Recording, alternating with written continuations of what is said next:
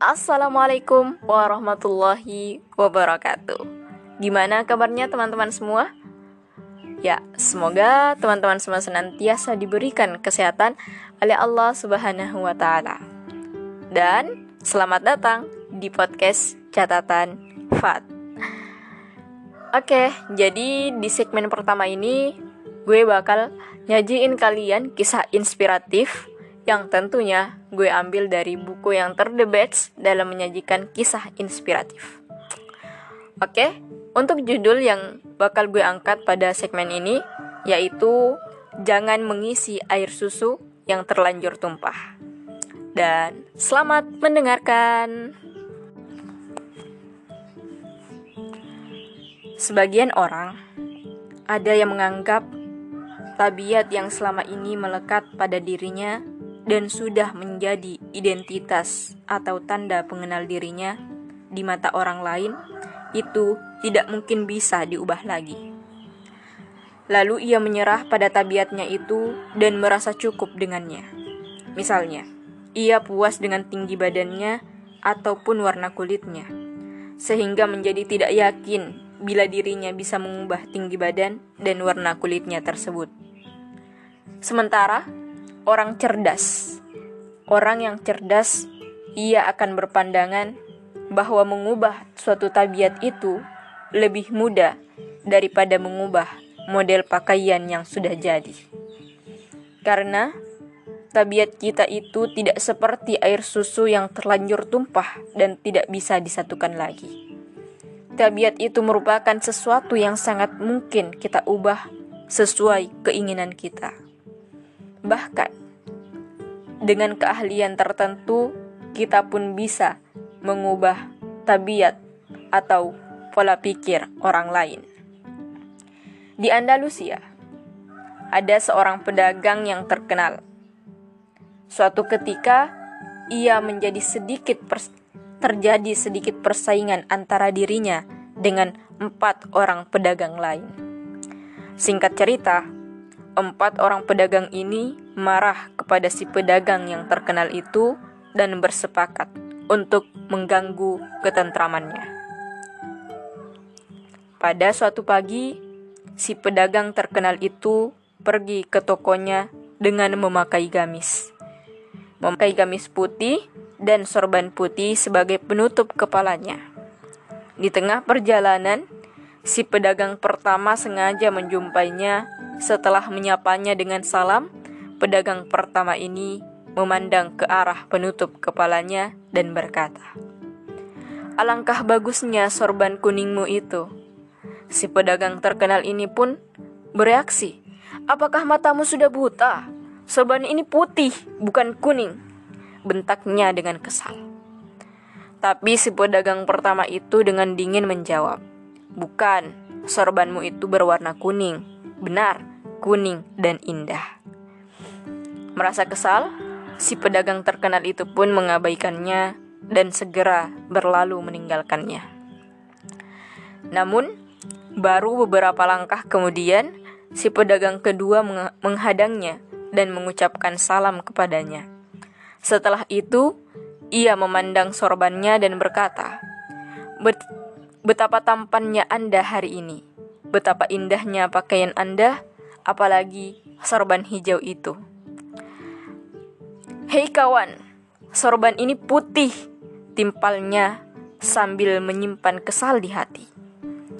Tapi si pedagang kedua tadi malah berkata, Sungguh, sorbanmu itu benar-benar hijau. Kali ini, si pedagang terkenal itu tak kuat menahan emosinya, maka dengan keras dan ia berkata, Sorban ini putih kawan, penyalah dariku, cepat. Maka si pedagang kedua itu pun pergi. Sementara si pedagang terkenal yang malang ini meneruskan langkahnya sambil bergumam kesal di dalam hati. Sesekali ia memperhatikan ujung sorbannya yang terurai di pundaknya untuk meyakinkan kalau sorbannya benar-benar berwarna putih. Beberapa saat kemudian, ia sampai di tokonya. Lalu, ia mengeluarkan kunci dan hendak membuka gembok pintunya. Namun, tiba-tiba si pedagang ketiga menghampirinya dan menyapanya dengan salam. Setelah menjawab, si pedagang ketiga ini berkata kepadanya, "Wahai tuan besar, alangkah indahnya pagi ini, apalagi setelah saya melihat Anda memaka memakai pakaian yang sangat bagus dan sorban biru yang sangat elok itu." Ben mendengar perkataan ini, rupanya si pedagang terkenal itu sempat ragu dengan keyakinannya bahwa sorbannya benar-benar berwarna putih. Maka ia melihat sorbannya dan memegangnya ser seraya memilin-milinnya untuk meyakinkan warnanya. Lalu ia mengusap kedua matanya dan kemudian berkata, "Wahai saudaraku, sorbanku ini putih. Biru, bukan putih. Bahkan sorbanmu sangat cocok dengan warna biru itu. Jadi, Anda tidak perlu bersedih." Bantah si pedagang ketiga ini. Ketiga ini sambil berlalu meninggalkannya. Dengan kesal, si pedagang terkenal itu pun berteriak kepadanya, "Wahai kawan, sorbanku ini putih!" Lalu ia memperhatikan kembali sorbannya itu sambil membolak-balikkan ujungnya dengan penuh kegelisahan. Sesaat kemudian, ketika ia tengah duduk termenung di dalam tokonya, seraya terus memandangi ujung sorbannya, Tiba-tiba si pedagang keempat mendatanginya. Setelah mengucapkan salam dan berbahasa basi sedikit, si pedagang keempat ini berkata kepadanya, Selamat datang tuan yang terhormat. Oh, Masya Allah, alangkah bagusnya sorban merahmu itu. Di mana Anda membelinya? Lagi-lagi, si pedagang terkenal ini pun harus kesal. Wahai kawan, lihatlah sorbanku ini putih, putih, bukan putih, tapi merah. Timpal si pedagang keempat dengan lugas. Mendengar itu, si pedagang terkenal ini menjadi kecut dan diam tertegun. Memandangi ujung sorbannya, beberapa saat kemudian ia berkata pada dirinya sendiri, "Sorban ini berwarna hijau. Eh, bukan hijau, tapi putih. Bukan, bukan, bukan putih tapi biru. Oh, bukan biru tapi hitam. Dan tak lama setelah itu, tiba-tiba ia tertawa sendiri, lalu berteriak-teriak dan sesekali menangis terseduh-seduh. Bahkan kadang ia melompat-lompat seperti anak kecil sambil tertawa cekikikan.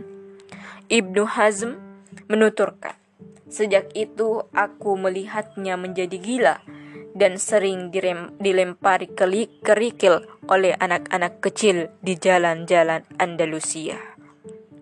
Demikianlah keempat pedagang tadi tak, tak hanya bisa mengubah tabiat dan perilaku si pedagang terkenal itu, tapi juga akalnya. Ia mengubah akalnya hanya dengan kecakapan-kecakapan dasar mempengaruhi orang lain yang tentu saja tidak pernah mereka pelajari. Nah, bagaimana pendapat anda dengan kecakapan-kecakapan yang bisa dipelajari, disinari oleh cahaya Al-Quran dan Sunnah, kemudian dipraktekkan oleh seseorang dengan tujuan untuk beribadah kepada Allah. Artinya, bukankah kecakapan-kecakapan ini hanya akan mengubah tabiat, tetapi juga pola pikir kita dan orang lain? Oleh karena itu, marilah kita mempelajari berbagai kecakapan atau keahlian yang bisa mengantarkan kita kepada kesuksesan dan kebahagiaan. Kemudian, setelah itu praktekkanlah keahlian-keahlian baik yang telah Anda kuasai nanti untuk meraih kebahagiaan. Apalagi Anda belum yakin dan berkata kepada saya, apabila Anda belum yakin dan berkata bahwa saya tidak bisa dan maka saya akan menjawab berusahalah. Jadi apabila Anda belum yakin dan berkata kepada saya bahwa Anda belum bisa, maka saya akan menjawab berusahalah. Jika Anda berkata aku tidak tahu caranya. Maka saya akan menjawab, belajarlah. Ingat, Rasulullah Shallallahu Alaihi Wasallam pernah bersabda, Innamal ilmu bitta'almu bittahallum. Sesungguhnya ilmu diperoleh dengan belajar, sedang kesabaran diperoleh dengan berlatih bersabar. Oke teman-teman semua, semoga kita bisa memetik hikmah dari kisah pada segmen ini. Jadi, kesimpulan orang yang sukses tidak hanya mampu mengembangkan kecakapan-kecakapan dirinya sendiri, tetapi juga mampu mengembang, mengembangkan kecakapan-kecakapan orang lain, bahkan kadangkala ia juga bisa mengubah semuanya itu. Ya, jadi mulai hari ini, mulai detik ini, jangan sampai kita masih keluar dari mulut-mulut kita bahwa tabiat kita sudah terlanjur stuck di situ. Karena sesungguhnya tabiat itu bisa diubah. Tidak bisa, maka berusaha. Tidak tahu caranya, maka belajar. Oke? Mungkin uh, cukup itu saja untuk segmen pertama kita. Semoga teman-teman semua bisa meng mengambil hikmah dan uh, dan diri saya pribadi juga semoga bisa terus belajar dari kisah yang tadi kita bawakan. Oke, sampai jumpa di segmen selanjutnya, dan wassalamualaikum warahmatullahi wabarakatuh.